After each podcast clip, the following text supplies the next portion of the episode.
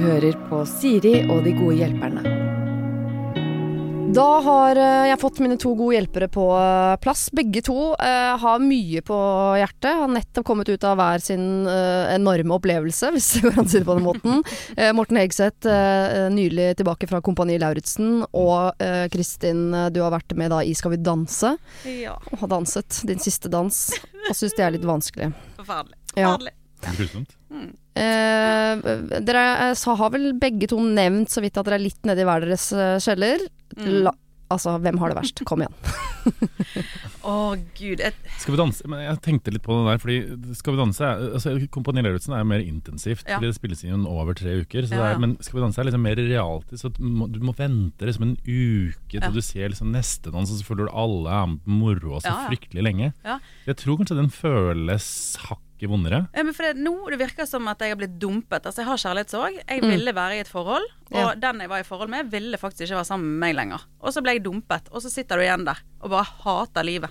Og gråter. Altså, jeg har grått så mye, da. Har du? Ja, så mye. Og det forholdet var til og med et sånt forhold som du anså som ganske sånn godt, og tenkte at begge to ville, og dette går bra, og vi har det jo fint, og Nei da. Vi har det fint. Liksom ingen som, eh, som har, føler på noe misnøye i det forholdet her overhodet. Men er, men så skal vi danse føles ille, for det er sånn folkets dom, på en måte. Å ja, nei, folket likte ikke Nei. meg, de stemte ikke på meg. Altså, det, føles, det føles litt det føles veldig sånn intenst Ja. ut når man ryker ut derfra, men det man må huske på, er at det er Skal vi danse. Og det Ja, ja. er fremdeles liksom jeg er litt, for når jeg røyk ut den gangen, så sto jeg Jeg gråt jo som et barn. Ja. Eh, jeg gråt veldig nydelig, da, så jeg, tenkte sånn du gråter pent, det skal du ha. Eh, men det føles, det føles så innmari tomt. Men jeg valgte da å gå på fylla eh, ganske hardt Mm. og drikke dagen etterpå og liksom bare holde meg aktiv. Jeg kunne ikke sitte fast i følelsene av Nei. Å være ute. Men jeg, en ting som var for min del, fordi jeg røyk jo mot slutten der, og så Ja. ringer de husker det så godt ennå, fordi liksom, jeg hadde fått en uke på meg liksom, til å lande. Hadde vært tilbake i Trondheim. Jeg og Anders var på ja, Vi var på Sats på en fredag. Så ringer de fra TV 2 så sier de sånn Hei, eh, takk for sist. Nå har det seg sånn at uh, Sofie Elise eh, hun har måttet trekke seg. Og jeg veit eh, klokka nå er ti på en lørdag, men vi lurer på om det vil komme tilbake Nei, nei. og ta flyet klokka tolv. Så du skulle lære deg en dans i løpet av 25 minutter alene om bord på et fly? man fly, måtte jo eller? liksom gå og liksom danse liksom, ja, jenka til Men, eller vi, Og så fikk vi lov også til å liksom repetere en dans vi hadde gjort for tre uker siden til, i det- halloween-kostyme, for det var halloween, husker jeg. Oi! Og jeg bare Jeg sto på dassen på Sats og bare Å, fy faen! Gud har hørt meg! Jeg var selvfølgelig lei meg på Sofie sine vegne, som ikke hadde noe bra, men jeg var sånn Ja, fy faen, dette skal jeg gjøre. Men så øh, hadde jeg Jeg hadde jo en nydelig, nydelig dansepartner. um, men hun var sånn, vet du hva, vi hadde en god opplevelse. Ja. Vi skal ikke hoppe inn på tre... Jeg bare Det skal vi! Ja. Så det endte med at jeg og da dansepartneren min krangla og ble sånn uvenner og sånn. Uh, men vi fikk tilbud om å komme tilbake. Så det var liksom nesten Hadde ringt dagen før, så hadde det Men Så ja, det for dansepartneren din vant diskusjonen, så det ble ikke Ja, ny dans? Ja, jeg kunne jo ikke på en måte danse uten proffdanser. Det Nei, det ut. er sant. Men jeg angrer på at jeg da ja, så det, Men uh, den telefonen var ganske merkelig. Så du har jo noen dager på deg, Kristin, til at kanskje noen får Kanskje noen får covid. Kanskje noen får covid. Kanskje Agne Tesh får depresjon. Kanskje Siri Kristiansen får panikkangstanfall. Jeg står og lukter litt på skjellelemmen, ja. Det Så, det, så da, det kan hende det kakker meg litt over kneet på vei ut av studioet her etterpå, så er jeg ferdig. Bare felle deg litt på sånt. Jeg har jo ikke gått ut av den karantenen. Jeg er i, bare sånn, sånn Men jeg har jo vært i karantene siden før covid, så Mm. mitt liv er så spennende. Så det er jo ingen problem. Vi snakket med Maybert før i dag og bare Men altså, jeg er i karantene, så dere kan bare ta meg inn når som helst hvis det skulle skje et eller annet. Ja, ja, bra. Ja, ja, Send jeg er covid på noen av de andre deltakerne, er og eh, kom deg sjøl tilbake. Det positive med at dere begge er tilbake i den øh, vanlige verden, er at dere kan være mine gode hjelpere nå øh, en times øh, tid. Og jeg har hentet fram øh, åtte problemer til dere, og her får dere altså det første. Hei, Siri og de gode hjelperne. Jeg har et problem. Jeg trenger sårt hjelp. Jeg har flyttet inn i et kollektiv med to av mine gode venner fra videregående. Vi er alle 19 år. Jeg har alltid hatt bitte litt anstrengt forhold til mat. Ikke i den betydning av at jeg har spiseforstyrrelser, men jeg er kresen på mat. I tillegg er jeg ikke så glad i å lage mat. Derfor så sliter jeg med å klare selve matdelen av det å flytte for seg sjøl. Det går mye wok og kylling og pasta, og selvfølgelig litt salat. Ettersom jeg har hatt det litt øh, vanskelig med mat, så har jeg blitt enig med meg selv at det viktigste er at jeg faktisk får i meg mat. For det er øh, flere dager hvor jeg faktisk bare spiser ett måltid. Derfor er det viktig at jeg får i meg frokost, lunsj, middag, gjerne litt grønnsaker.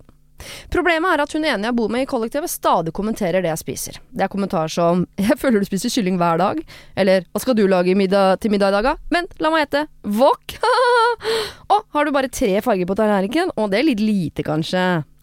Dette har ført til at jeg er skamma over hva jeg spiser, og prøver nå å spise når hun ikke er hjemme.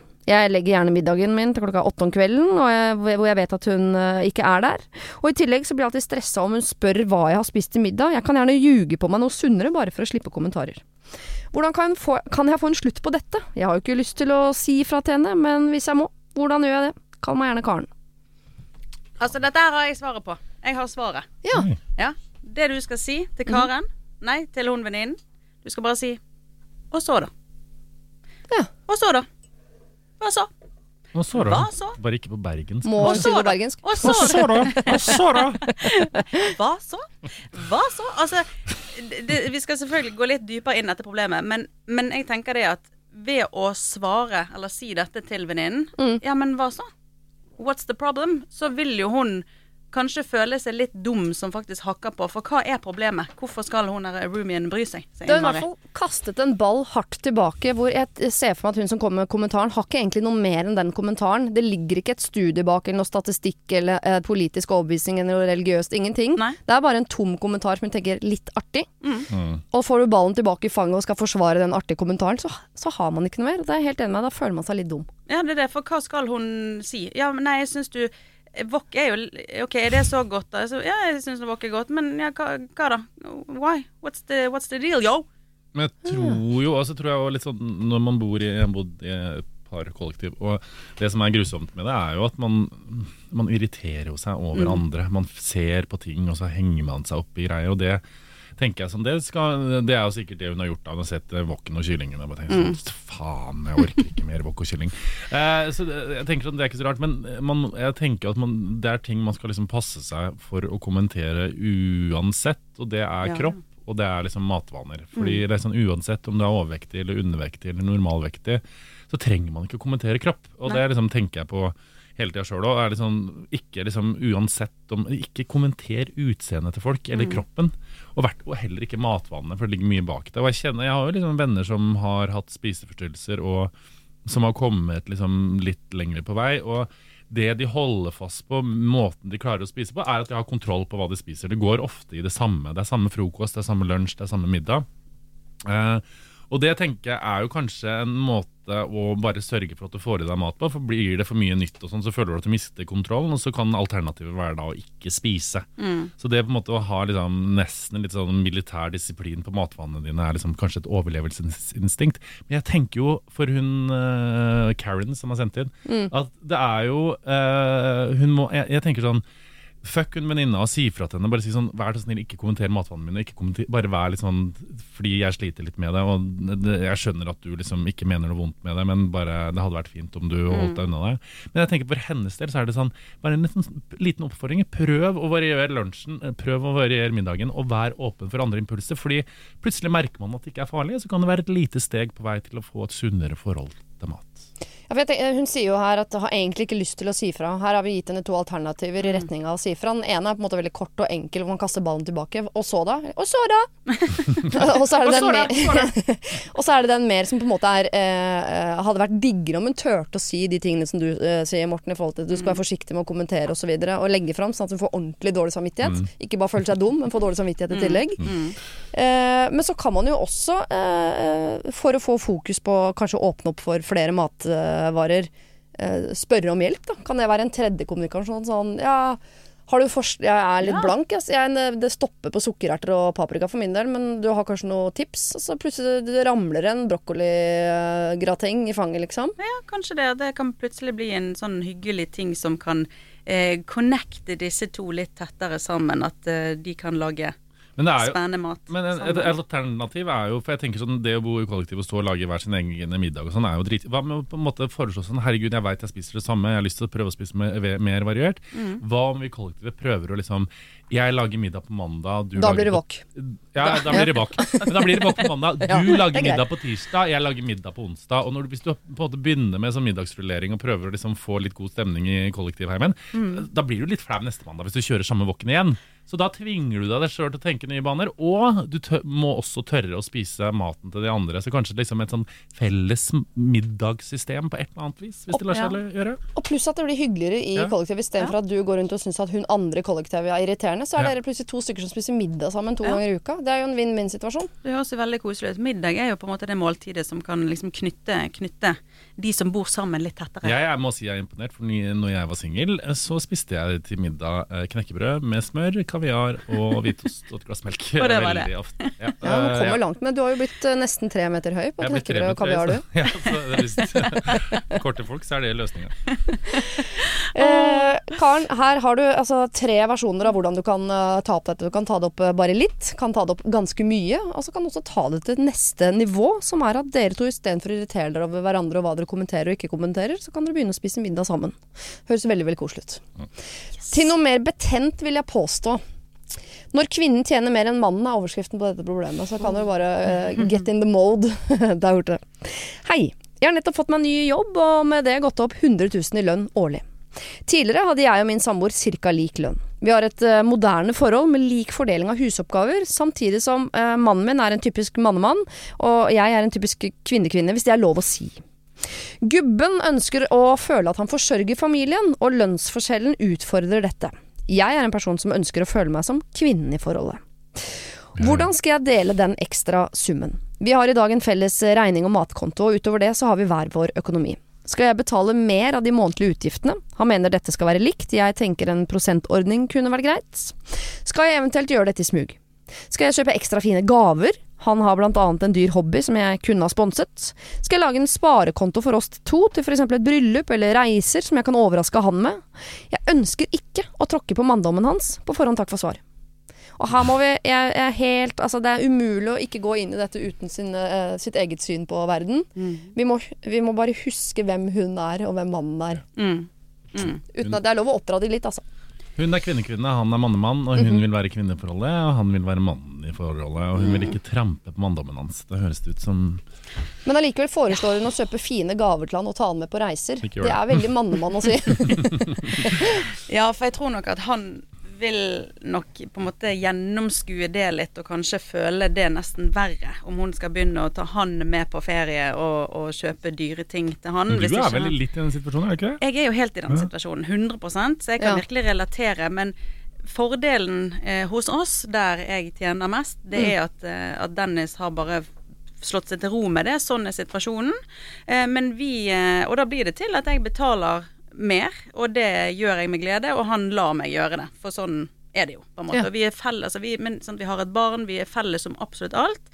Så alt er bare delt på to, uansett. Mm. Eh, selv om eh, Ja, altså vi er likestilte 100 da. Men det er klart at eh, vi har jo hatt våre samtaler om det, for det, det kan være vanskelig for enkelte menn å føle at de ikke kan på en måte forsørge familien på samme måte. At det er rett og slett bare den der skikkelig slag i, i manndommen, da. Mm. Eh, men eh, da må man rett og slett bare erkjenne det at, eh, at eh, noen ganger er det sånn. Vi kvinner kan faktisk tjene mer enn menn noen ganger, og vi er kommet dit i verden at Mm. det er helt greit. Og det uten at vi skal føle oss dårlig eh, for det. Ja. For dette er jo et problem som ligger på han. Men det må jo være en eller annen måte hun kan eh, gå fram på her, som gjør at han eh, kommer seg over de greiene her. Jeg tror hun har, jeg bare har en følelse av at hun kanskje har hengt seg opp for mye i liksom kjønnsrollemønster. Ja. At dette er mann og dette er kvinne. Det er liksom Uansett i et forhold, hvis det er noen som tjener tydelig mer enn den andre, så vil det føles litt kjipt å være den som tjener mindre. Hvis man da på en måte ikke er Jeg husker jo det sjøl når jeg liksom ble sammen med han jeg er sammen med nå. Han tjente ganske mye mer enn meg. Nå kjenner jeg mer enn han. Burn! Men jeg husker jo at jeg liksom kjente på det, jeg òg. Det var litt sånn faen. At det var litt sånn, han bare skal vi gjøre ditt og datt. Ja, men da må jeg spare og sminke og sånn. Det, det er ikke noe hyggelig å være den som måte tjener betydelig mindre i forholdet uansett. Uh, men skal, jeg, jeg syns det er så vanskelig at utgangspunktet er at han må føle seg som mann, og hun må føle seg som kvinne. Ja. Men for, er, er, det liksom, er det det som definerer den følelsen? Hvem som tjener mest? Det er jo litt sånn sørgelig, egentlig, hvis Ja. det er det man, man eh, Når hun sier 'jeg vil ikke tråkke på manndommen hans', så tenker jeg da vil du ikke tråkke på penisen hans. Da, Nei, for det er jo det som er liksom manndommen i utgangspunktet. Det er jo ikke det å på en måte tjene mest og liksom være liksom huleboerpappaen. Men uh, de, jeg føler jo at det trengs skal si for noe, De trenger jo på en måte De er, de er kanskje ikke åpne for det siden de er så låst på at hun vil være kvinne og han vil være mann, men jeg føler jo at et lite feministisk kurs hadde vært på sin plass.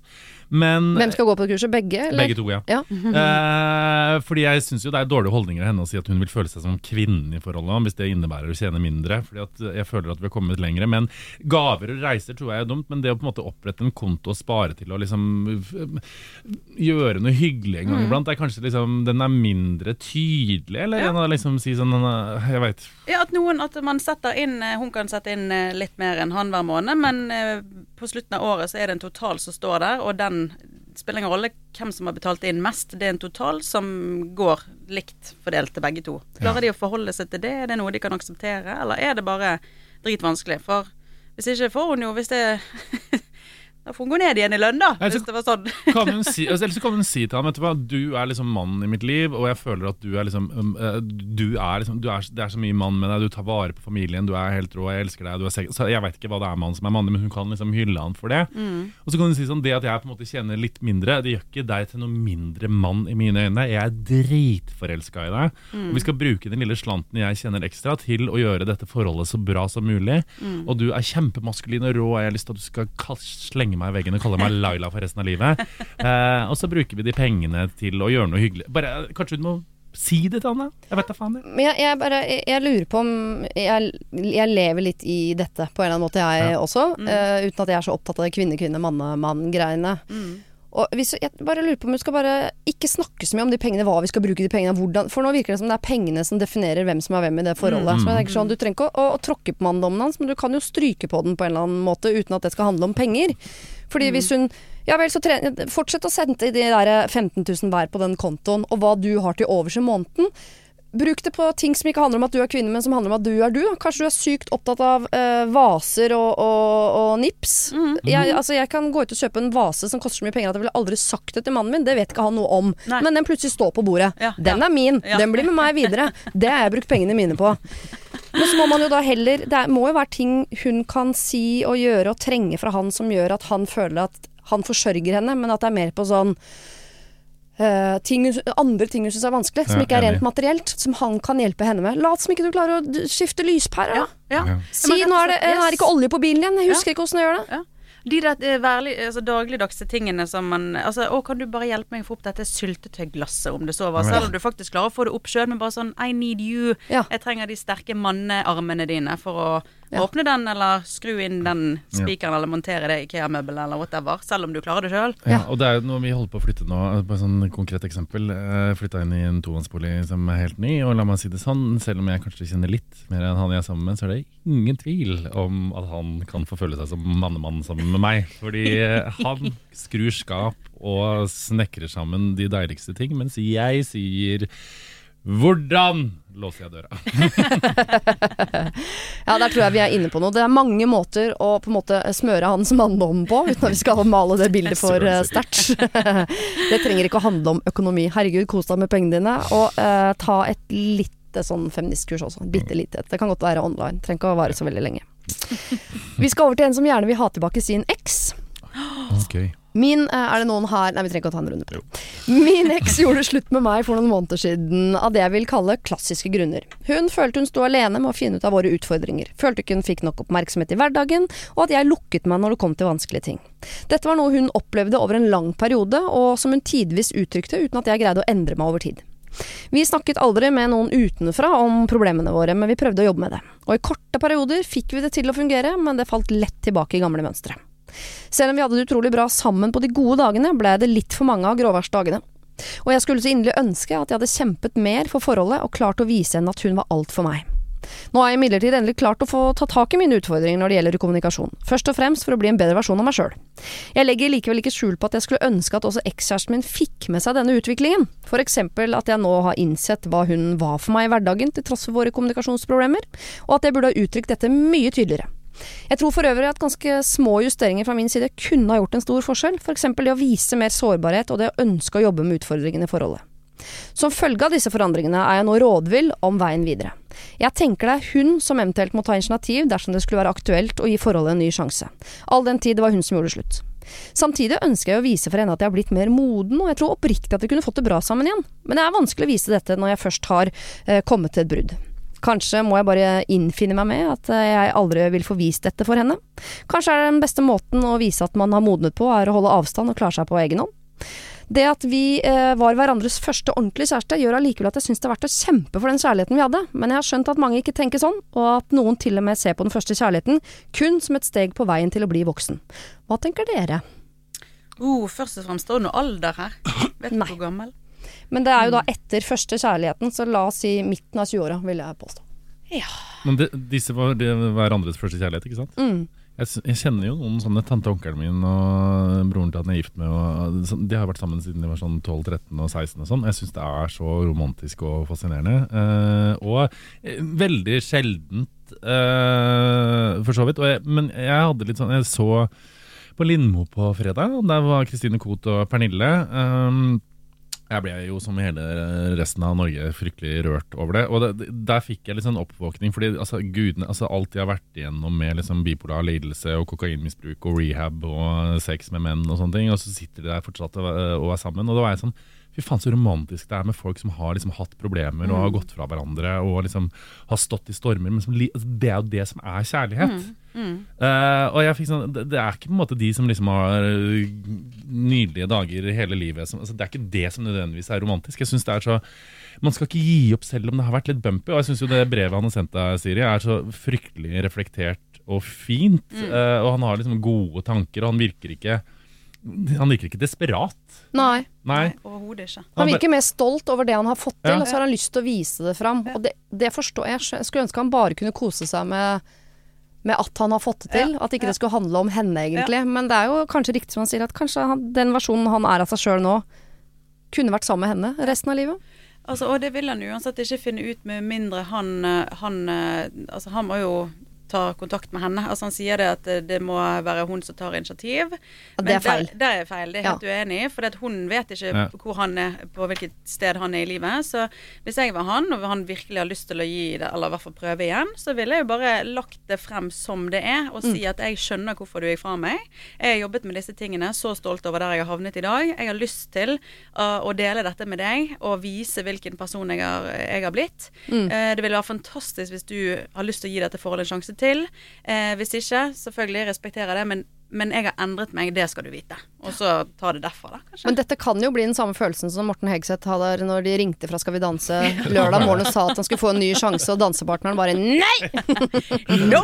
Vi hadde det gøy når vi holdt på, nå er vi ferdige. Men jeg tror det vil være forferdelig å gå, med, altså gå, gå rundt med følelsen av å ikke ha informert henne om det. At, hun, at han ikke har gitt henne den muligheten, selv om det vil være sårt uansett, for han virkelig ønsker henne tilbake. Og jeg òg ønsker å danse, og det får jeg sikkert aldri mer lov til for resten av mitt liv, og det er en sorg. nei da, dum referanse. Nei, nei, nei, inn 'Skal vi danse'. Nei, nei, nei, Skal vi danse er livet. Ja, skal vi danse best. Eh, men, eh, men jeg liker jo sånn ærlighet og bare være åpen, og vise og tørre å være åpen. Kanskje det òg er noe hun har savnet. Så hun vil kanskje tenke at wow, denne mannen her som faktisk kan fortelle virkelig hva han har gått gjennom den siste tiden, dette her vil jeg ha i mitt liv. Enig, og så er det, men det er litt som man sier er litt sånn, Jeg har i hvert fall hatt en vond tendens til å tenke det på mine yngre dager med alle liksom, ekskjærestene jeg har hatt og sånn. Som er sånn, å fy faen, hvorfor er jeg sammen med han, og hvorfor var jeg sammen med han, og gud for et forhold det varte. Men det er jo et eller annet med at alle forholdene dine er litt viktige, for det gjør deg til det mennesket du blir til til slutt. Og det at hun på en måte har vært med på en måte bevisstgjort deg på den måten her, har fått deg til å ta grep i livet ditt som du kanskje ikke hadde gjort uten henne. Du skal være utrolig takknemlig Ja. for det forholdet uansett, fordi at du, hun har gjort deg til en bedre versjon av deg sjøl som du vil bli på sikt. Så uavhengig om dere to blir sammen igjen eller ikke, så skal du være takknemlig for det forholdet, fordi at det har Yes. gjort, bevisstgjort deg på ting som du ikke hadde blitt bevisstgjort Altså, på uten. amen! Dette er bare amen. Og tenk på det at om det ikke blir dere to, som Morten sier her, altså den personen du har blitt og holder på å bli nå, det venter altså så mye spennende på deg i livet. Og hvis de er, la oss anta at de er i midten av 20-årene altså mm. livet har jo så vidt begynt. Det er jo så mye gøy livet har å by på. Oh my god! Og så kommer man jo til å romantisere den første kjærligheten hele hele veien. uh, hvis det har vært en god opplevelse, så er Ja. jo det en følelse man tar med seg i grava. Man tenker sånn Det greiene der, det var noe eget. Ja. Og så er det, og jeg må bare si det at det er veldig romantisk hvis dere blir for sammen for resten av livet og får Enig. eh, sånne ting, men det er ikke vondt heller hvis det ikke blir dere to, og du får kose deg med å Kose deg med litt andre. At du får vist fram beste versjonen av deg sjøl til masse andre Ja, folk. det er helt riktig. Jo, jeg bare, jeg, helt sånn konkret Jeg, syns jo at han skal ta kontakt med henne. Han må ikke vente på at hun tar kontakt med Nei. for all verden skal hun gjøre det. Eh, men jeg syns heller ikke han skal ha, kontakt henne med en sånn agenda som er sånn eh, Nå har jeg blitt sånn som du vil at jeg skal bli, Mm. kan vi fortsette der vi slapp? Eh, nei. Men du kan si sånn Vet du hva, Eh, hei, eh, takk for sist. Nå skjønner jeg hva du mener. Mm. Nå har jeg eh, gjort dette, dette, dette, og det, jeg vil bare si tusen takk for at du fikk opp øynene mine for dette, fordi nå er jeg på et sted som er så mye mer behagelig for meg å være. Bla, bla, bla, bla, bla. Skal vi ta en øl en dag, eller? Og så får jeg bare ta det fra scratch. For jeg tror ikke du skal si sånn Nå har jeg, nå har jeg gjort oppgaven min, kan vi bli sammen igjen? Og Det det, går er ikke. faktisk der er du virkelig inne på noe. Ja. Og så får jo det bli opp til hun å Ja, den ølen høres hyggelig ut, eller ikke. Og nei, og er det et nei, så er det altså som sagt veldig mye gøy. Og herregud, hvis dette er first love, og den første, første, første, og du har jo ikke opplevd noe.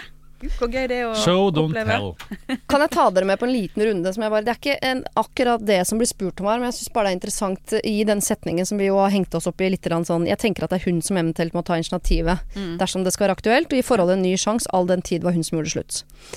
Jeg syns ofte at den som blir dumpet litt fort, på en måte bare trekker kløra inn i skallet og er sånn OK! Mm. Mm. Det er akkurat som det ikke er lov å jobbe for et forhold som du har blitt dumpet i. Jeg tenker, jeg bare eh, Nok en gang, jeg gjorde slutt med en, eh, en fyr jeg likte veldig godt en stund. Og måten han tok det bruddet på, bekreftet på en måte sånn Ja, men det er nettopp derfor jeg gjør det Ja, slutt. ikke Hadde han sagt sånn Nei, vet du hva, dette syns jeg er eh, vanskelig, det er det jeg vil ha, og fortsatt å jobbe og jobbe og jobbe og på en måte prøvd å, å vinne meg tilbake. Godt hende det hadde gått helt fint. Ja, faktisk. Jeg syns det kan være litt irriterende i et brudd at ja, man skal selvfølgelig respektere sånn Nei, jeg vil ikke være sammen med deg lenger. Nei, nei, det Det må man respektere, men det er lov. Det er jo ikke så flaut å bli dumpa at man ikke fortsatt kan si sånn Ja, men jeg vil ha deg. Nei, selvfølgelig ikke. Det, det er jo egentlig helt naturlig, for du blir jo Du, du er jo ikke klar for å gå ut av det litt, forholdet. men jeg må bare si at det er liksom begge deler. Jeg har vært litt til tider de gangene jeg blitt dumpa. Litt sånn desperate. Som har vært Men herregud, jeg kan forandre meg for deg. Hvem er jeg uten deg? Ta meg tilbake. Og Det er jo en liksom vond følelse, det òg. Men det er jo selvfølgelig en mellomting her. Men så, for min del så funker det jo noen ganger hvis jeg er interessert i folk, at de trekker seg litt tilbake. Det er jo den der the game-greia med at folk er litt sånn mm, Man vil ha det man ikke får, på en måte. Mm. Enig i alt som blir sagt der, men ikke liksom være for. Herregud, jeg må ha deg tilbake. Eh, Nei, men jeg mener mer å legge bort den stoltheten som jeg oppfatter Ja. noen ganger at kommer sånn Å ja, du vil ikke ha meg? Nei, da vil ikke jeg ha deg heller. nei, nei, sånn, sånn hvorfor det? Helt enig i det. Enig. Ja. Bare, og bare si det rett ut. Altså bare tørre å være sårbar og vise følelser og, og fortelle hvordan han faktisk har det, og hvordan, hvor han er nå, da, kanskje. ja. Bare være ærlig. Lykke til, dette vil vi jo vite mer Ja, om, hvordan dette går. Eh, hva mail, gjorde du? Hva svarte hun? Hvor mange barn har dere fått? Ja, det må vi få vil vi vite. vite, faktisk. Vi må faktisk få vite det. Kjære Siri og dine gode hjelpere. Jeg og mannen min elsker de to barna våre og opplever at vi er gode, trygge foreldre som gir barna alt de trenger. De er fem og ett og et halvt år gamle. Vi er i starten av 30-årene med gode jobber som krever mye av oss. Vi er begge helsepersonell, og jeg jobber turnus. At småbarnslivet er tøft, det er noe alle vet, men mitt problem er at likesinnede i vår omgangskrets får så mye hjelp og bistand fra besteforeldre, og det gjør meg misunnelig og trist for de. Min manns foreldre er mye eldre enn mine, og pga. sykdom eh, har de ikke hatt muligheten til å stille opp så mye som de har ønsket selv. De er imidlertid engasjert og deltakende på sin måte, og det setter vi stor pris på. Mine foreldre skilte seg da jeg var seks år gammel, og min far giftet seg på nytt for en stund siden. Kona hans har egne barnebarn og prioriterer selvsagt disse i første rekke. Det er naturlig, helt greit for meg. Faren min har en sykdom som gjør at det er vanskelig for han å klare alle oppgaver som barnepass krever, f.eks. bleieskift, løfting, bæring osv. Min mor har så lenge jeg kan huske levd singellivet fullt ut. Jeg bestemte meg tidlig for at jeg ikke ønsket å følge hennes fotspor. Hun er nå i midten av 50-åra og tar sjelden eller aldri initiativ til å være sammen med oss eller barnebarna sine. Situasjonen er den samme for min bror, som også har to barn eh, på alder med våre. Broren min og jeg har forsøkt ulike strategier for å forsøke å inkludere mamma i barnebarnas liv. Direkte spørsmål som har du lyst til å passe barna en dag i helgen? Vi trenger hjelp til å kjøre eh, den og den på fritidsaktiviteter. Kan du bidra? Vi har også forsøkt å konfrontere henne med hvordan det oppleves for oss, at det er rart at alle andre besteforeldre gladelig hjelper til osv. Jeg har i perioder gitt fullstendig blanke, latt henne seile sin egen sjø, men barna våre er jo superbegeistra for henne, og viser at de veldig gjerne vil ha mer kontakt. Min mor går ikke av veien for å spørre om hjelp til det hun trenger, enten det er datamaskin eh, som er kranglete, hjulskift på bil, flytting eller hjelp til formulering av skriftlig materiale som brev og søknader osv. Denne situasjonen gjør at jeg blir både lei meg, sint og frustrert. Jeg har i perioder innfunnet meg med at hun bare er sånn, men nå er jeg så sliten, og jeg kjenner at sinne og frustrasjon bygger seg opp igjen. Er jeg urimelig storforlangende som syns at dette er merkelig for oppførsel? Jeg skjønner at jeg ikke skal presse henne til å verken være sammen med barnebarna eller avlåste eh, oss foreldre eller noe sånt, men det er, sårer meg jo dypt, og jeg syns det er veldig merkelig. Hvordan kan jeg løse dette? På den ene siden tenker jeg at jeg bare kan eh, gjøre noe med meg selv, puste dypt, la øh, det bare skure. Samtidig så er jeg så skuffet, og jeg blir så sint, og jeg tenker at hun fortjener å få det så øra flagrer. Kall meg gjerne Anne. Mhm. Hei, Anne. Hei, Anne. Ja. ja. Hello! Hei. Altså, hun har nå ingen grunn til å føle på skuffelse over dette. Eh, Det er jo en helt naturlig reaksjon. Og hadde jeg vært Anne, eh, så ville jeg jo gått direkte til min mor og avtalt Altså sånn Mamma, vi må faktisk prate litt. Mm. Og lagt det frem, nesten som hun legger det frem her nå. Eller i hvert fall bare for, ta hun gjennom hele følelsesregisteret, skulle jeg til å si. Og bare forklare. Ja. Gråt, kjeft, Gråt, kjeft. vær desperat. Yes, du må si akkurat hvordan du har det.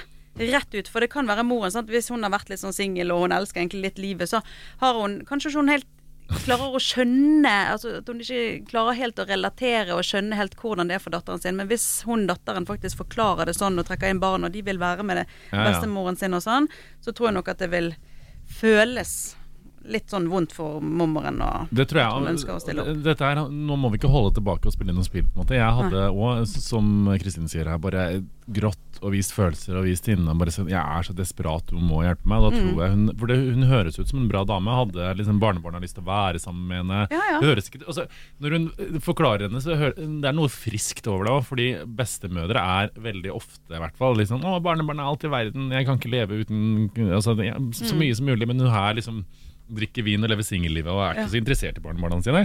Det er jo, jeg synes jo, altså det er jo litt gøyalt, på en måte, men frys, fryktelig frustrerende for uh, dattera det gjelder. Så Hun høres ut som en fryktelig kul dame som kan være et veldig sånn godt forbilde for barnebarna. sånn, Så bare, eh, men hun er jo kjipa, da. Og så tenker jeg litt sånn vi Hun har en mor, og hun har en far. Bare husk på å være like sinna på faren din. på en måte For Ikke tenk sånn at fordi at hun er liksom kvinne, så skal hun eh, ha, større craving til å være sammen med barna. barna. Eh, Vær like sinna på mormor og på morfar. Send sinne begge retninger. Og, men, og, og bare eh, vis henne at liksom Fortell henne at barnebarna elsker henne, og gråt. Og jeg, bare, bare vær tydelig. Ja. Men tror eh, Dette vet jeg ikke, altså, men eh, det kan jo godt hende at eh, mormor her bare ikke er så interessert. Og den interessen tror jeg er vanskelig å vekke. Hvis Ja, det er sånn, er vet du hva, jeg er ikke så veldig opptatt av barnebarn og småunger og de greiene der. Ja. Og da skal du på en måte bare trøste deg med at, uh, som psykologene sier, man får det forholdet til barna sine som man fortjener. Og det gjelder også barnebarn. Så får du sitte og være singel og ha det gøy på julaften aleine når det er 70. Ja. Ja. Men um, Uh, jeg, jeg tror ikke de klarer å nødvendigvis vekke den interessen for småunger og, og glede meg til, i- og til helga skal jeg ta med begge, alle ungene på hytta og, og hvelve meg i taco, liksom. Men hun er jo glad i datteren sin, Ja, ja. vil jeg tro og håpe. Så spille på den um, Ikke sånn 'jeg blir irritert på deg for at ikke du kan hjelpe til'-greia, men mer sånn 'jeg blir oppriktig lei meg over at, ikke, at du har mistet interessen for det som foregår i mitt liv'. Ja. ja, den er fin. Den er fin. Spille litt på Ja. Spille litt egen, ja, mer på dattera enn på barnebarnet. Ja. Ja. Litt enig. Så er det litt sånn, Jeg har noen venninner som har liksom bestemødre som er litt samme situasjon, som ikke nødvendigvis liksom sier sånn hei, kom og sover hos, hos meg, og som liksom har barnebarna, men da skal foreldrene være der og syns det er deilig når de drar fordi at de er ferdig med det småbarnslivet.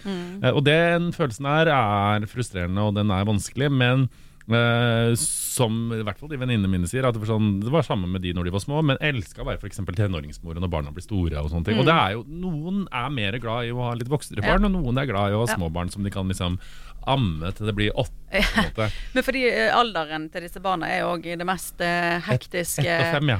Oh my god. Altså, jeg, halvannet jeg har jo en sønn på tilsvarende alder. Og Jesus, Mary and Joseph, takk Gud for barnehage. Alt Mm. jeg vil er at eh, covid skal stikke, sånn at vi ikke havner i en lockdown. For det orker jeg ikke å takle i det hele tatt. Så jeg òg kan jo forstå hvis bestemoren liksom lever de gode dager og elsker, og hun er i midten av 50, og woho, liksom sånn.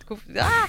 Men, men det er jo klart at du er jo også bestemor. Sant? Du fikk et barn, Ja. du har fått barnebarn, og du er faktisk ganske heldig. For det er ikke alle som har barnebarn som gjerne ønsker seg barnebarn. Ja, heldig, heldig for blommen. Jo, faktisk. Altså, hun har en familie, da. Som ønsker at hun skal inkluderes, ikke bare for at hun skal stille opp og være en hjelp, men de ønsker jo en bit av henne i livet. Mm. Og det eh, bør hun jo se på som noe fint og noe positivt. Da. Enig. Og kanskje litt sånn råd hvis hun liksom bryter opp litt og stiller seg til disposisjon, disposisjon for å hjelpe.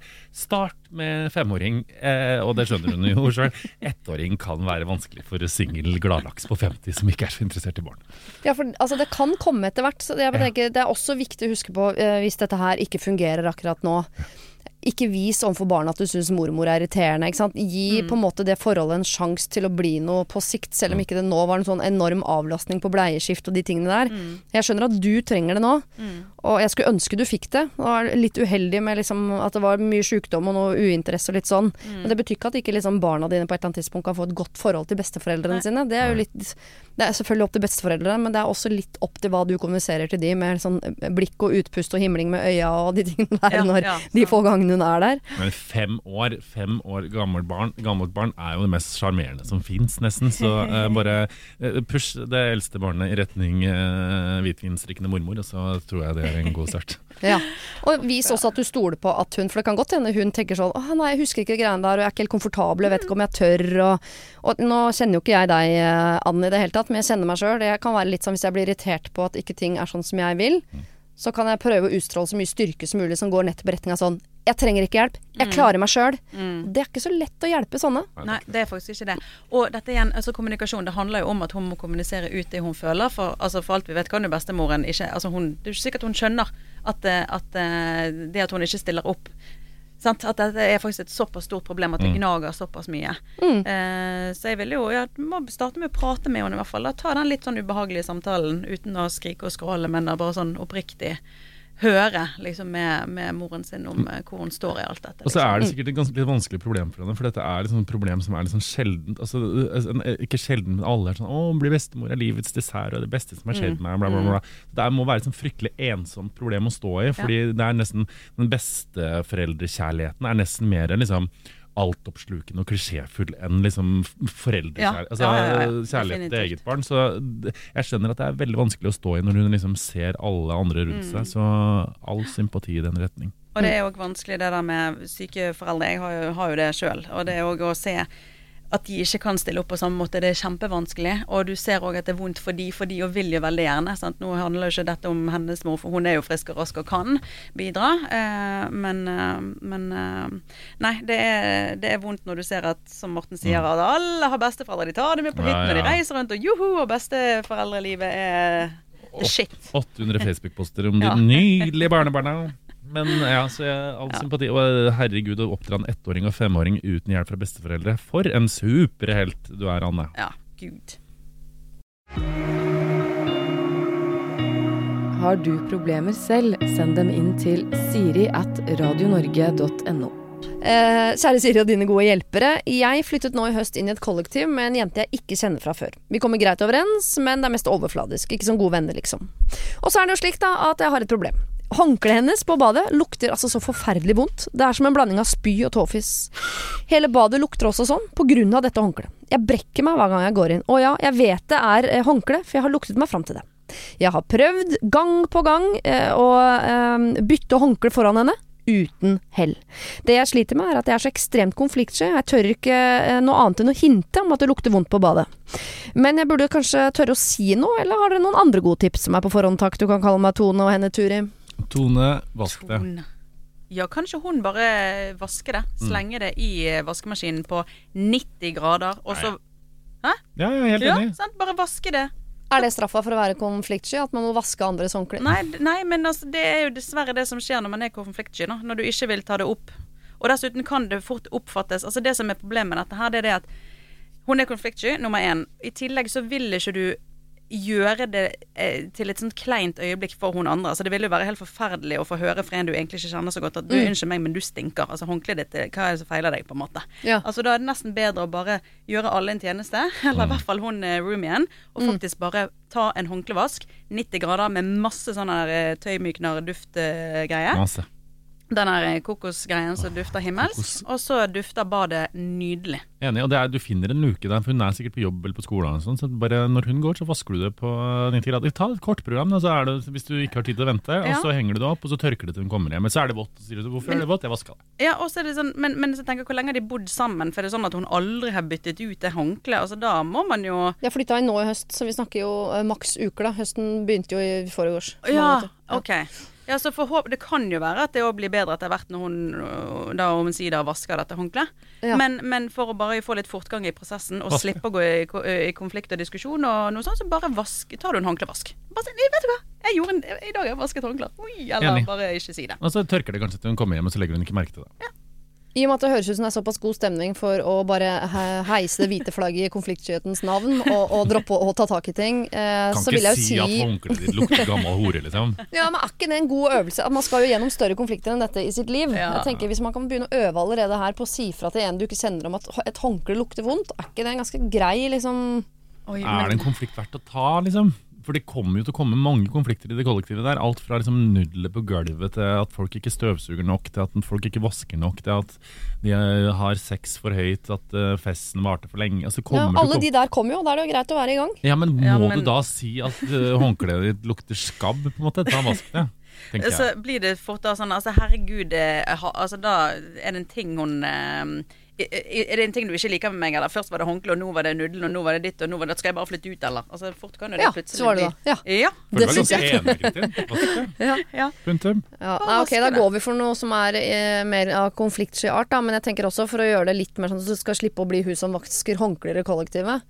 Si en dag, for det kan jo hende at det er et håndkle det har satt seg vond lukt i. Litt sånn eh, som T-skjorter og sånn Ja. av og til gjør. Ja. Si sånn Sorry, jeg sørte eh, noe neglelakk utover hele håndkleet ditt i går. Jeg beklager, men jeg har kjøpt et nytt et. Koster 1990 liksom på Kid. ja, det går an, Vær så selvfølgelig. god. Ja, her har du et nytt håndkle. Og så håpe at hvis det havner ut vond lukt i det håndkleet også, da er det jo noe fundamentalt galt med vedkommende. Ja, men det er jo det, og da har jo hun kanskje ikke luktesans. Og Tenk det hvis det er et sånn Harry Misoni-håndkle som koster 750. Ja, unnskyld, jeg fikk neglelakk på det allikevel.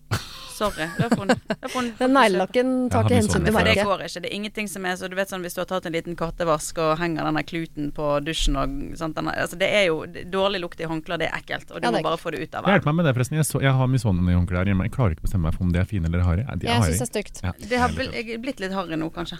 Ja, det er litt sånn Det er som å kjøre Tesla. Det er sånn Se hva jeg har! Ja, ferdig. Det er så harry. Du har ikke badekåpen òg, da? Du har ikke badekåpen òg? Nei, Sånn å, nei, nei, nei, nei, nei. Nei, det blir for mye. Kjør Mm. noe enkelt når det kommer til håndklær. Hils meg. Men skal okay, bare si det sånn til henne, da. At hun bare vasker det. Ja, vask det en gang, eller bytt ut sølen på jeg det. et akkurat nå, er Missoni-håndklær, Tesla og sånn Audrey Hepburn-bilde fra Ikea. Å ja, ja, og, du, og er det hun der med sånn Så, ja, sigg med sigg og sigg mm, på mørkt hår. Ja. Dere, Vi skal over til noe vanskeligere enn uh, håndklær med vond lukt. Ja. Hvordan skal man avslutte et ti år langt vennskap? Kjære Siri og det gode hjelperne. Jeg er en gutt på 22 år som har en venn som har vært eh, bestevennen min de siste ti årene. Kall han gjerne Aksel. Vi har gått i samme klasse og har etablert et vennskap som jeg trodde sjøl skulle vare livet ut, men der tok jeg feil. Grunnen til at jeg tviler på dette nå, er at eh, han tar fra meg all energi. Han blir ofte sjalu, og som oftest eh, negativ til at jeg lykkes i livet, og det eh, sier litt at dette vennskapet ikke kan eh, vare. Jeg bor på Sørlandet, mens han befinner seg ca. fem timer unna, og blir også sur når jeg ikke kommer hjem. Han mener nemlig at det å komme hjem annenhver uke er noe jeg må gjøre for å holde på vennskapet. Over til det store problemet. Min far og min mor er bestevenner, eller praktisk Eh, eh, Min far og min mor er bestevenner, eller praktisk talt familievenner, med Aksel sine foreldre. Det er også mine foreldres eneste gode venner som de har her i Norge. Mine foreldre har slitt med å skaffe seg andre venner, ettersom de selv har blitt skuffa av sine venner opp igjennom. Jeg vil jo helst ikke at mitt vennskap skal prege deres vennskap. For Aksel sin del skjønner jeg veldig godt uh, at hvis vi to ikke er venner, så vil han ikke at foreldrene mine heller skal være venner med hans foreldre. Så her trenger jeg hjelp. Kall meg gjerne Mo. Og så står det her Siri, du gjør en amazing jobb, bla, bla, bla. Det er jeg helt enig med Ja. Mo i. at Ja. Du gjør en amazing jobb. eh, Men hvordan skal Mo bli kvitt en kompis han ikke vil ha, når han vet at i det øyeblikket han ikke er venn lenger, så mister også foreldrene et godt vennskap, antageligvis da. Kristin, begynn. Jeg er så dårlig på det her. Avslutte vennskap. Ja, altså Først og fremst må en tenke det at livet er jo faktisk for kort for sånne energityver. Å bruke tid på folk som ikke gir deg noe glede. Og det høres jo ut som en sjalu, en sinnssykt sjalu kjæreste han faktisk er i et forhold med. Eh, og da, eh, selv om det kan være veldig vanskelig, så bør en nesten bare legge det frem og si det rett ut at vet du hva. Eh, jeg oppfatter dette vennskapet som ganske usunt.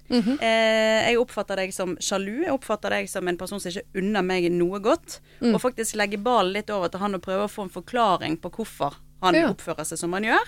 Og se om han får noe vettugt ut av det.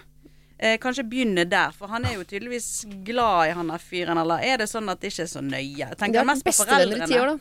Ja, bestevenn, men altså, du vet Friends come and go. Altså, noen vokser man bare fra. Altså, noen venner kan man bare ikke være venner med livet ut. Er Venner skal være litt forsiktige med å oppføre seg for mye som kjærester. Fordi Ja, de. Ja. kravene vi godtar fra kjæresten, de godtar vi bare fordi vi kan ligge med dem etterpå. Ja, Ja, Og sånn er det ikke i vennskap. Nei, det er ikke det i vennskap overhodet. For... Ligge med venner er dårlig. idé. Ja, det er kjempedårlig. Ikke gjør det. Nei, det er veldig dumt. Og faktisk, altså Jeg kan relatere litt til en sånn tilsvarende situasjon der det fort ble eh, litt mye. Det var en som krevet veldig mye fra meg. Og da ble det rett Jeg måtte si det rett ut. Vi er faktisk ikke kjærester. Du oppfører deg som at vi er i et forhold. Det er vi ikke. Jeg må bruke liksom den energien min på meg og mitt. Da var jo jeg eh, sant, ja, hadde en kjæreste og alt mulig sånn, så jeg måtte liksom bruke mer av den tiden på Det gikk ikke an å forvente så mye. Eh, og den dialogen var vanskelig, eller eh, den samtalen var vanskelig å ta. Det gjorde vondt. Det førte til faktisk ett års pause i det vennskapet, Ja. men så fant vi tilbake til hverandre, og det har aldri vært bedre. Nei. Så det at eh, det å faktisk Men du må si det, for det blir i hvert fall ikke bedre ved å bare gå rundt og irritere seg over det. Han er nødt til å ta det opp med han Aksel eller Fred eller hva han het. Det- han het. Det kan jo hende at Aksel er litt lei seg også, for det høres ut som to gutter som har vært mye sammen i ti år. De har bodd på samme sted, Mm. og så plutselig Mo her har jo dratt videre. Han har gått videre. Mm, Aksel sitter igjen på Sørlandet og på en måte føler seg litt forlatt av sin beste venn, som ikke engang kom hjem. Og hans liv er kanskje likt som før, han får ikke noen nye impulser. Mm. Aksel er ute og opplever verden. Ja. Nei, Mo er ute og opplever verden. Det kan jo hende at Aksel bare eh, At han rett og slett er litt sånn At han er lei seg og sjalu. Kan Aksel være forelska i mor, eller? Oi, Det kan, kan det være? Det kan jo faktisk være at Han han høres har litt sånn eh, ut. Ja, for han er, han, er, han, han er jo veldig sjalu og litt sånn eiesyk, sant. Ja. Og, og den sjalusien, altså det er jo dessverre ikke noe som bare forsvinner over natten. Og er man skikkelig, skikkelig sjalu, så, så blir jo det sånn dessverre noen ganger at man Han vil ikke egentlig at han Mo skal egentlig ha det noe særlig bra, for han vil være den personen som gjør han godt. Ja, jeg liksom få sånn følelse av at kanskje Aksel er forelska i Mo. Og, men jeg, jeg, ble- jeg syns det er veldig beundringsverdig det du sier, Kristin. Og jeg er sånn Det er veldig tydelig, da. Uh, jeg hadde jo latt det Jeg har jo en del vennskap som på en måte jeg aldri avslutta, som er avslutta, men som henger i løse lufta, som jeg møter her og der. og Det er veldig rart. Så hvis man Jeg tror jo det du sier, på en måte å heller sette, på en måte sette et punktum at, uh, Jeg tror kanskje det er greit, altså. Men jeg hadde jo valgt uh, ghoste og la det gli ut-taktikken. Ja. Men det, du skal ikke høre på meg. Ja, jeg mener jo at uh, utfade er det nye brudd. uh, i mange, det må jeg bare innrømme at jeg har gått fra å heie på brudd i vennskap til å gå tilbake til utfade. Ja, jeg Fordi det er mest taktikken. for alle, og fordi et vennskap kan man plukke opp på et senere tidspunkt. Ja. Når man igjen er på samme nivå. For, altså sånn, at man i perioder glir fra hverandre, det er greit, og så kan man gli sammen igjen. Hvis man skal gjøre det slutt hver gang man er på forskjellige stadier Ja. i livet, det blir litt voldsomt. Men du, er, Siri, du har skrevet bok om vennskap, du må vel ha noen råd her? Ja, ja, jeg mener jo at man skal uh, gå for fade, men det, Ja. jeg tror en del, altså det som er det store problemet her, som jo Mo sier, er jo det med at foreldrene også er bestevenner. Jeg tror her eh, ikke bare må man gå og Ja, eh, ta en eller et eller annet oppgjør med kompisen, men man må jo også få sagt fra til foreldrene om at dere må jo ha et selvstendig forhold som ikke handler om at barna Ja. leker sammen. Ja. Det blir jeg redd over å gjøre. Jeg har jo masse venner som jeg har fordi barna våre er venner. Ja, ja. På et eller annet tidspunkt slutter de å leke sammen, for de kommer til å gå hver sin vei. Ja. Jeg håper jo ikke at det betyr at vi voksne også skal slutte å leke sammen. Nei, og det tenker jeg at de voksne er jo voksen nok til å deale med. Altså Det trenger ikke å være en bekymring for Mo, selv om han kanskje tenker at det blir ubehagelig og sånn. Men jeg regner jo med at er det sånn at alle disse, altså foreldre og barn, eh, liksom har en sånn felles tacokveld eh, når de er på det Sørlandet? Ja, men det, kan man vel komme seg gjennom, i hvert fall hvis man har Ja. gått for utfade og ikke brudd med, Ja. eh, Ja, med Aksel. det er jo Så kommer man seg gjennom en sånn uh, Ja, ja. kvadruppel tacokveld liksom en gang i halvåret. Men det som er vanskelig med Fade, er jo hvis han Aksel er virkelig virkelig inni dette her og er så lei seg og sjalu og trist og alt dette her, denne utfadingen vil jo bare føles og oppleves enda vondere. Mm. Tror ikke Ja. du det? Altså med mindre Ellers er En fin måte å, å, å avslutte vennskapet på er jo å spørre sånn Er du forelska i meg, eller? Uh, og hvis han er det, så får de en fin samtale, og de får finne ut av ting. Hvis han ikke er det, så blir han sikkert dritsur og sier Ja. sånn eh, Nei, er du sjuk i huet ditt? Jeg orker ikke være vennen din. Og så er det ferdig. Og så er det ferdig. Ja, det er ikke sikkert det er Men- for dumt. Eller ta en klassisk sånn mellom utfade og brudd, som er sånn uh, Jeg er uh, veldig glad for at vi er venner. Mm. Nå er det mye studier og det er mye greier, jeg, jeg, men jeg gleder meg til å se deg til jul. Ja, ja det Men- går an. Ja, enig. Men, men, men jeg mener det. Hvis han hadde sagt sånn du opp, Jeg må bare spørre deg om en ting, Fordi at den måten du er på, den er litt intens. Og jeg, sånn, jeg blir litt forvirra. Jeg må bare spørre deg det, Er du kanskje forelska i, i meg? Og den Ja. Det vil jo gjøre noe i vennskapet. Ja, for da vil han jo òg skjønne at oi, har jeg vært litt intens Ja. i det siste. Og trekke seg, trekke seg tilbake, eller si 'ja, jeg elsker deg', og så Ja. blir vi gift. Det er et spørsmål som røsker opp litt med rot, det greiene der. Jeg husker fortsatt da jeg var åtte år og fetteren min spurte om vi skulle være kjærester. Vi snakket ikke sammen på ti år. Nei, dere gjorde ikke det. da. Bra. Vi gjorde ikke det. Ok, vi går videre. Ja. Eh, vi skal over til eh, sjalusi. Som jo også er uh, vanskelig, eh, men her er det i et kjæresteforhold, ikke et venneforhold. Ja. Jeg har vært sammen med kjæresten min i to år nå, så jeg har kjent han i ca. tre. Vi er hverandres første. Jeg er i starten av 20-årene, og han er i midten. Han er en veldig god gutt med gode verdier, og i starten, uh, da vi møttes, så han blant annet på porno. Jeg syns ikke at dette var noe jeg kunne si noe på, men han tilbød seg på eget initiativ å slutte å se på porno pga. vårt forhold. Dette satte jeg pris på. Det hendte etter en krangel at han runka til porno likevel, og fortalte meg i ettertid. Det såret meg helt ekstremt, og jeg finner meg selv i å tenke på det ganske ofte, selv om det er over et år siden. En periode jeg jobbet mye og vi nesten ikke fikk snakket sammen, fortalte han også i ettertid at han hadde sett mye pornografi eh, flere ganger i den perioden. Jeg vet at dere kanskje allerede tenker at jeg er veldig kontrollerende. Eh, øhm, skal vi se her, ja. For det har kommet til et punkt der jeg rett og slett tenker at jeg ikke ønsker å være sammen med en som ser på porno eller lignende. Og når folk sier 'alle menn ser på porno', så blir jeg irritert, for alle gjør jo faktisk ikke det. Men helt klart de fleste, altså. Før jeg ble sammen med kjæresten, syntes jeg folk som ville forby porno, var gærne. Men nå er jeg en av dem. Jeg så til og med porno selv ganske ofte før, eh, før vi ble sammen, men nå blir jeg dårlig av å se på det. Han lover jo at han ikke ser på det, og jeg har egentlig valgt å stole på det, for han har alltid vært veldig ærlig, men problemet er at disse tankene har forflyttet seg til flere arenaer.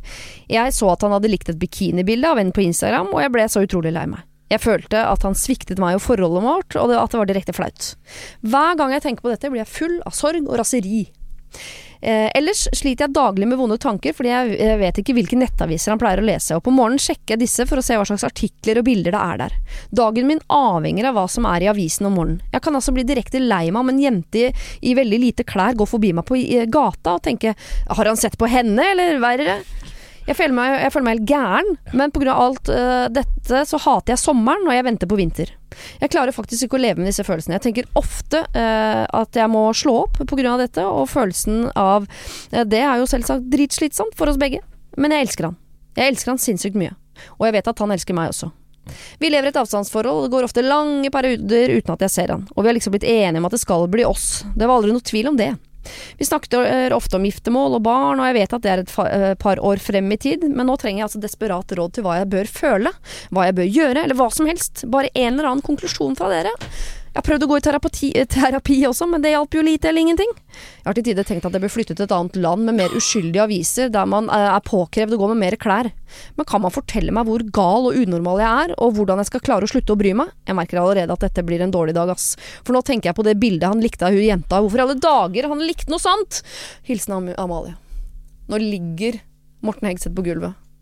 Oi. Kan du komme tilbake til oss, Morten? Trenger du litt tid? Jeg er tilbake. Du er tilbake. Ok, Wow. Amalie, eh, hun, eh, hun Amalie er morsom, da. Jo da, hun, er, hun sliter med Men det er jo nydelig, for hun har jo faktisk dødsmye selvinnsikt her. Jeg elsker det. Altså Hun skjønner jo sjøl at det, det, hun sier er jo helt uh, insane. Og Ja. hun sliter jo bare med å finne ut hvordan hun skal håndtere alle disse følelsene. Hun skjønner at det er helt irrasjonelt. Hun vil ikke føle det, men hun gjør det. Ok, Mm. Så det er det vi må jobbe oss ut ifra. Og, det, og, greia, det, og dette her, Amalie, dette går ikke. Nei, Eh, dette, dette her, ikke. dette, er ikke no, dette er ikke en tilstand vi skal akseptere og si sånn, ja, men sånn er du. Uh, vi får finne en gutt som kan uh, låse seg inn i en kjeller for deg deg å bo der resten av livet Ja. siden eh, For det, dette går ikke. Dette er, dette er ditt problem. Ja, altså her, og, og, og det, jeg syns det er helt imponerende og dritfett at hun faktisk går i terapi og har oppsøkt eh, faktisk profesjonell hjelp. At hun prøver virkelig å ta tak i dette her, og det, det funker ikke, sier hun, og det er jo veldig synd.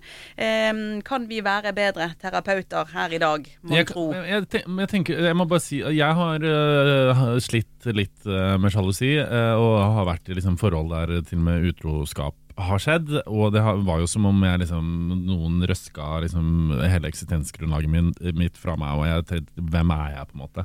Og jeg sleit med sjalusi. Jeg har blitt sjalu for at øh, enkelte kjærester jeg har sett, har sett, har sett faktisk, har hatt, har sett på porno. Jeg, liksom- og jeg, jeg, jeg hørte på Marit Larsen da jeg var liksom 19 år som sang 'Under the Surface'. Og jeg har hatt kjærester som har dumpa meg da jeg har øh, malt gulva fra svarte til hvite, for jeg skulle ikke ha det gulvet som kjæresten min hadde gått på. Jeg har liksom, jeg har- ja, ja. Og jeg, en Du har gang vært så- en liten Amalie. ja, ja, ja. Og jeg, en gang så var, hadde jeg en kjæreste som var utro med en kvinne fra Sandefjord. Uh, og eh, hun ringte jeg eh, Jeg fant nummeret hennes, og, jeg ring, og hun sa sånn Hei! Så ville jeg bare høre henne puste, for jeg hata henne så mye. liksom Og jeg satt og hun sånn Hallo, hallo. Og jeg ble så sjalu at jeg skrev en hel bok om eh, det. Da jeg på en måte eh, Jeg husker ikke helt Dette er, var, dette er å, kanskje tolv år siden. Jeg begynte å skrive en hel bok om sjalusi. Der jeg skulle drepe den personen som hadde vært utro med kjæresten min. Og jeg skrev og skrev og skrev. Og skrev Og jeg sendte det til forlag. Ingen forlag aksepterte, bortsett fra Juritzen forlag, selvfølgelig. Eh, som sa skriv et kapittel til. Så, men så kom våren og vinen, og så Så jeg har vært veldig sjalu. Ja. Um, men Føler jeg vi fikk uh, hele den boka servert som et slags eh, foredrag. ja. Det beste er jo at vi vet at det har gått veldig bra med Ja, Morten. Ja, det det var det jeg veldig skal bra. si. Ja. Jeg er ikke sjalu mer. Uh, jeg, jeg, jeg, jeg kjenner ikke på sjalusi. Så det, går, det som er at man tenker sånn Sånn er jeg, dette går ikke. Jeg er overhodet ikke sjalu. Tenk heller, altså Nå tenker jeg heller motsatt. liksom Hvis uh, den jeg er sammen med ser på porno, så tenker jeg sånn Herregud, så sexy, liksom. Og så fint at liksom du liker dette, og det kommer sikkert meg til gode hvis du får en idé og dette. Jeg syns bare det er liksom sånn sexy med folk som er seksuelle på et eller annet vis. Ja. Uh, så det har snudd. Det har snudd. Ja, Ja, ja, det har snudd. Men uh, da er mitt spørsmål til deg, fordi du sa jo først at dette er ditt problem, Amalie, og dette må du jobbe med og sånn. Men så har jo du kommet på et sted hvor du da har gått fra å være sjalu til å ikke være det lenger. Mm. Gir du deg selv 100 av krediten for det, eller vil det si at du er sammen med et menneske som også trygger deg på at det ikke er noen grunn til å være sjalu? Kan Anders få 10% Anders får kred for det. Han Ja. er, øh, og han, øh, men, han, men jeg er jo av den typen som trenger Jeg trenger ikke sånn 'Å, sjalusiner, sånn, dette må vi ta på alvor. La oss sette oss i ring og synge Kumbaya lord'. Jeg trenger noen som sier sånn 'Hei, du er en idiot. Skjerp deg'. Ja. Det er taktikk som funker på meg. Og på samme måte som første gang jeg var sammen med han, vi kjørte i november, og jeg sa til han 'Jeg har ikke fortalt deg dette før, men jeg blir faktisk litt deprimert på høsten'. Og han sa 'ja, men da foreslår jeg at du skjerper deg'. Uh, jeg liker jeg den liker måten å bli pratet ja, uh, det, det er det som funker på meg. Uh, så jeg tror ikke noe sånn pusing og kosing. Og denne sjalusien må vi ta på alvor. Vi må si til deg, Amalie, du er sjuk i huet ditt. Du, treng, du må skjerpe deg. Ja. Ta grep. La folk se på porno. Du er gæren i huet. Og bare bli fin. Bare skjønn at dette her bare er tull. Men tror, tror vi at Amalie klarer det sammen, altså i det forholdet med han, eller må hun ut, lufte huet sitt, gå seg noen runder rundt den mentale blokka, og så få seg en ny kjæreste hvor hun er eh, tryggere? Ja, hun må ut og lufte huet sitt, gå tur rundt den mentale blokka, Og jeg mener jo at dette ikke er et problem som hun skal involvere kjæresten sin i. Dette her må du ta med bestevenninna di, som kan hjelpe deg gjennom. Ikke dra med liksom, typen inn i det her problemet, for dette trenger han kan si til deg, liksom, men han kan ikke sitte og puse deg på lanken og eh, liksom gå gjennom alle de vanskelige følelsene dine. Dette her er et problem du må ta med noen andre utenfor, tror jeg da. Er du ikke enig? Ja. Er, ja, er du enig i dette, Kristin? Du ble tungpusta. Ja, nei, altså, ja, nei, jeg, men yes for Amalie, du eh, Her er det mye greier å jobbe med. Men, eh, men jeg tror at hun må liksom Det er liksom Ta tyren litt ved hornene her. sant? Altså Hun har et kjempeproblem med denne pornoen. Ok, men vet du hva? Eh, som Morten sier, tillat han å se på porno. Kan du se på porno sammen med han? Hjelper Nei, det? ikke gjør det. Er det kjipt? Ja. Er det sånn, sånn cheesy gjør, gjør noen det, egentlig? ja, folk gjør det. Gjør folk det? For Ja, jeg har men hvis ikke aldri man er sånn, så kan man ikke gjøre det. Nei, det er det, for jeg har aldri gjort det. Og, men eh, jeg syns jo òg det er litt sånn snodig. Men, men, men porno er der, og hun sier alle ser på det. Nei, alle gjør ikke det. Nei, kanskje ikke absolutt alle, men mange gjør det. Bare innfinn deg med at sånn er verden. Det finnes porno. Det kan du liksom aldri Ja. gjøre noe med. Eh, og hjelper det at hun bare sier til seg sjøl mange nok ganger om og om og om igjen at eh, porno er greit og jeg er ikke sjalu? Funker det? Funker Ja. jo ikke sånn. jeg synes liksom jeg ser en rekkefølge. Når du blir sjalu på porno, så er det du blir jo ikke sjalu altså, Det du føler, er jo at han på en måte bruker sin seksuale kapasitet på noe annet enn deg, og at han heller vil se på noen på TV enn å ligge Altså Det er jo der på en måte sjalusien ligger. Det er Men det er jo ikke sånn det er. Det er jo ikke Nei, tilfellet. det er ikke sant? det. Jeg det- tror det er sammenligning. Altså, jeg, Ja. eh, jeg var også sjalu før fordi jeg, jeg likte ikke at uh, kjæresten min hadde en fortid. Mm. Eh, for jeg, og det handler om at jeg liker ikke å bli sammenligna. Så jeg kan, kanskje Amalie har tenkt sånn liker du, du Se på porno, du liker henne. Mm. Hun ligner jo ikke på meg i det hele tatt. Er det sånn du vil at jeg skal se ut, og sånn du vil at jeg skal være? Mm. Og hun på Instagram som også hadde bikini Jeg ser jo ikke sånn ut. Hun på gata, hun ligner jo ikke på meg i det hele tatt. Hun i avisen ser jo i hvert fall ikke ut Hva er det du egentlig Liker du meg? Ja. tipper jeg. Sånn har det eskalert inn i Ja. hodet hennes. Men så må man, det som har trygga meg litt, er sånn eh, Når man ser på porno, så vil man jo ofte nettopp se noe annet. Mm. Eh, altså Når man en, går på restaurant, så ber man ikke om kneip med leverpostei. Det det. er jo fordi det, man vil hjem til det. Men Ja. eh, Ja. på porno så Han søker jo ikke på sånn Amalie, sagt. 1,62 høy, halvlangt hår. Nei.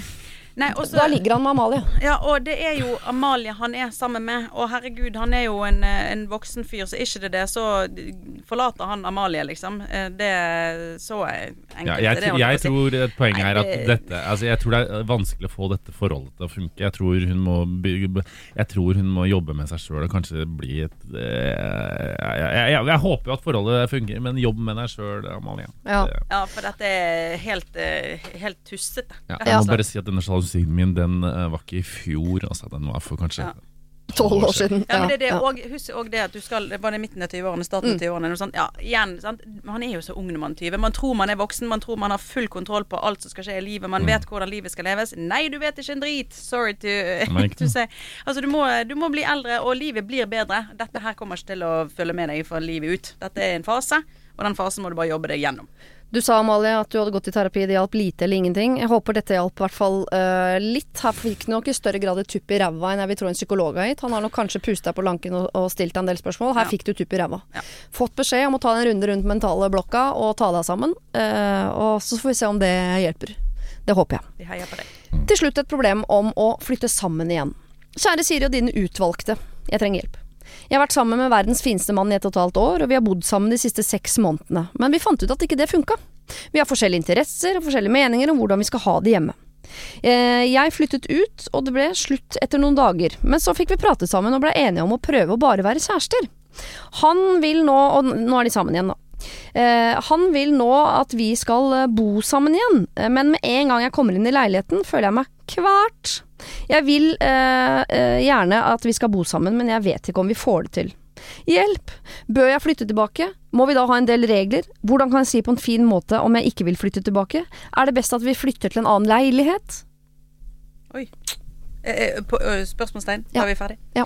Eh, eh, jeg reagerer jo litt på at hun sier at når hun kommer inn der, så føler hun seg altså, Kvalt. kvalt. Ja. Ja. Men hun har lyst til at de skal bo sammen. Har hun mest lyst til å ha lyst på tanken om å bo sammen, men at hun egentlig ikke er helt i et riktig forhold? Det kan godt hende. Så er konflikten mellom på en måte egen selvstendighet og individualitet kontra tilslutte seg kjærlighetens kollektive fellesskap er jo en for evig lang kamp. Man kjenner på det uansett. Eh, Men jeg tror det er så tydelig som det her, så hadde jeg kanskje ikke Jeg er ikke sikker på at liksom 50 andre kvadratmeter gjør så stor forskjell enn akkurat der hun bor nå. Eh, Nei, jeg tror ikke det er feng shuen som ødelegger her. Nei, Nei, det. det Altså, tror jeg ikke. For å si det sånn eh, for, altså Her tror jeg òg at det er egentlig forholdet som Dessverre, dette er jo litt brutalt, men jeg tror ikke det er helt riktig for henne. Altså For å si sånn eh, Da jeg og Dennis fant kjærligheten på Paradise Hotel, sant Mhm. eh, Og vi Jeg dro til Dennis eh, på første visitt, og jeg flyttet nesten inn og bodde der som to uker av gangen. Han bodde på 16 kvadratmeter, OK? I den jævligste lille sånn bøttekotta med leilighet. Spilte ingen rolle. Jeg kunne bodd i en pappeske. Sant? For dette var bare så jævla magisk. Nå var det nyforelsket så hipp hurra. Og du, å, du vet den deilige følelsen. Ja. Men, men da, altså Så Og jeg har vært i et forhold der jeg har hele tiden Ok, men det blir bra hvis vi bare får litt større leilighet. Det blir bra hvis vi tar den ferien. Hvis vi kjøper Mm. Hvis vi bare gifter oss. Hvis vi bare får oss, barn. Og bare får barn, og får Ja. hund, og kanskje to biler, så blir det bra. Og, og da er det som regel eh, noe som ligger og stikker liksom egentlig enda litt dypere. Ja, at det faktisk jeg, ja. ikke er riktig, dessverre. Jeg skjønner, eh, altså sånn, eh, Ja, sånn er det jo stort sett. Men Mm. det fins vel noen mennesker som kanskje er, kan være ment for hverandre, men som ikke er ment for å bo sammen. Ja, og Det der har jeg hørt om og syns det er veldig fascinerende. Det er men fascinerende. Så har du de som er sammen og ikke sover sammen engang. Ja. De jo finnes, og det er jo enda mer fascinerende. har vært sitt soverom, ja. Ja. koser seg med det. Ja. Men da er det jo Men det er på en måte problemer som Altså det er ting som skjer etter 20 års samliv, føler jeg. Da Yes. er det sånn Ja, nei, vi har hvert vårt soverom og sånn. Det er, men dette er for tidlig til å liksom være sånn redd for å flytte sammen. Altså, dette er for tidlig til å liksom unnskylde med liksom moderne former for samliv. Det er ikke sånn at vi sier sånn Ja, vi har kommet lenger enn at liksom eh, Jeg føler det er for tidlig, så du må gjøre det slutt. Og flytte aleine og bli singel. Uff, det høres jo brutalt ut, men jeg er enig. For at denne fasen her altså det, der, det er veldig kjipt, men det er jo, eh, tror jeg, noe, det er noe riktig i det. For det er jo det der og denne der åh, forventningen man skal flytte sammen, det skal jo være en positiv ting, ikke Mm. noe som føler at du ikke får puste. Eh, du skal gå sammen på Ikea og kjøpe det 360-serviset og bare Ja. juble, holdt jeg på å si. Og kanskje ikke akkurat det, men Man du vet- jubler sjelden på IKEA, altså. Selv når man ja, selv. Ja, selv. Men, men, eh, men dette skal jo egentlig være happy times. Så når du spør bør jeg flytte tilbake, så er svaret nei. Nei. Bare for å ta det helt sånn i rekkefølgen det står i her. Mm. Eh, må vi da en del regler? Nei, skal ikke regler i begynnelsen. Regler. skal bare ha lyst til å bo i en pappeske og, og, og være forelsket. Ja. Hvordan skal jeg Hvor si på en fin sammen? Ett og et halvt år. Nei, nei, er Hvordan skal jeg si på en fin måned om jeg ikke skal flytte tilbake? Eh, og det er best å flytte en annen nei- leilighet har vi også sagt nei til. Men eh, jeg bare tenker, hvis dere uansett nå eh, har jo skissert at eh, løsningen på dette er et brudd. Ja. Hvis så, brutalt, kan hun ikke allikevel eh, Trenger ikke å si på en fin måte at hun ikke vil flytte tilbake. Hvis på en måte risikoen her er at det er, blir et brudd, så kan hun vel unne seg å snakke med han om sånn, vet du hva. Jeg, føler, jeg eh, får kvelningsfornemmelse når jeg kommer inn i leilighetene. Jeg, jeg tror helt oppriktig ikke vi kan bo sammen. Mm. Men vi kan eh, fortsette å prøve å være sammen i hver vår leilighet. Mm. Så, så f ser vi eh, om det endrer seg, eller om det aldri endrer seg. Om vi er fornøyd med at ikke det endrer seg. Ja. Men hvis, hvis, de er hvis begge to er sånn vi vil bo hvert vårt sted, men være sammen, det går ikke. For hvis han er en sånn som vil ha samboer, og hun er en sånn som vil bo på en øde øy, men bare ha en, en, en kjæreste et eller annet sted der ute, Mm. så kan de jo faktisk ikke være sammen. Det er veldig bra det som Morten sier. Det er bra, sier. Det er bra Siri er her, Ja, føler jeg. veldig. Veldig lurt at du Så må jeg bare si her, det, Siri. selv om det er usunt å oppfordre til sånne bonde samtaler som enten brudd eller sånne ting, eh, da sier jeg alltid vin. Vin? Ja. Det er enklere på alkohol. Ja. Det er det Mamma sa jo det, hun sier det alltid den gangen jeg skal fortelle henne at jeg var um, transseksuell, nei da, homofil. Eh, så satte jeg meg ned, og da var jeg 19 år, og så sa jeg 'mamma, vil du ha et glass rødvin?' Nei. Jo, ta deg et glass rødvin. nei. Uh, jo, mamma, ta et glass rødvin. Uh, så fikk jeg henne til å ta rødvin, fordi Rødvin gjør eh, sånne vanskelige samtaler enklere. Kanskje Ja. ikke to flasker, men tre glass. Tre glass. Så skjenk et glass rødvin til eh, mannen din, eh, kjæresten din, og si at vet du hva, jeg har ikke lyst til å bo sammen med deg, og se hvor den samtalen tar dere. Mm. Hvis det er en samtale som tar dere til et sted som handler om Nei, vet du hva, så deilig at du sier det, da fortsetter vi sånn som nå. Ja. Yes. Fint. Eller så tar dere den videre sånn Hæ, jeg vil ha samboer. Så blir det jo et eh, brudd, da, dessverre. Dessverre. Mm. Så blir du singel. Da blir du singel. og det er ikke galt. Da kan du være da. er Så lenge du bare vil. Ja. Singellivet er fantastisk. Det er så typisk at uh, vi tre som sitter i hvert vårt forhold, sier sånn Singellivet er fantastisk! Det er til å kaste opp av. Så de single sitter der ute og kaster opp av oss nå. Ja, Så det må vi bare holde opp med. Ja, med det. Morten og Kristin har vært fantastisk hyggelig å ha dere som mine gode hjelpere. Åh, det er deilig å være her. Og Veldig dere hyggelig å være her. hørt på sexy stemme Morten, faktisk. Har jeg Ja, det er helt tenkt over det før i dag. Jeg ble liksom Oh my god, tenkte jeg. fått, Jeg ble litt eh, varm i Har dere kommet litt opp av kjelleren, eller er dere lukter på første etasje nå? Nei, for andre etasje kanskje. Ja. Trappeoppgangen. Trappeoppgangen mellom første og andre. Ja, så koselig. Ja. Hvor er du? Er du fortsatt Jeg er nede? litt lenger opp, kanskje. Oi, du er kommet lenger? Okay. Ja, jeg tror det. Men for min del er jo liksom mer sorgen over at det er ferdig. Det er jo ikke jeg, ja. Ja. Hvordan det gikk, får folk se i mars. Ja. April. Eller mai, jeg vet ikke. Det var det. Husk å sende ditt problem til siri at radionorge.no om du vil ha hjelp. Denne podkasten er produsert av Rubicon for Bauer.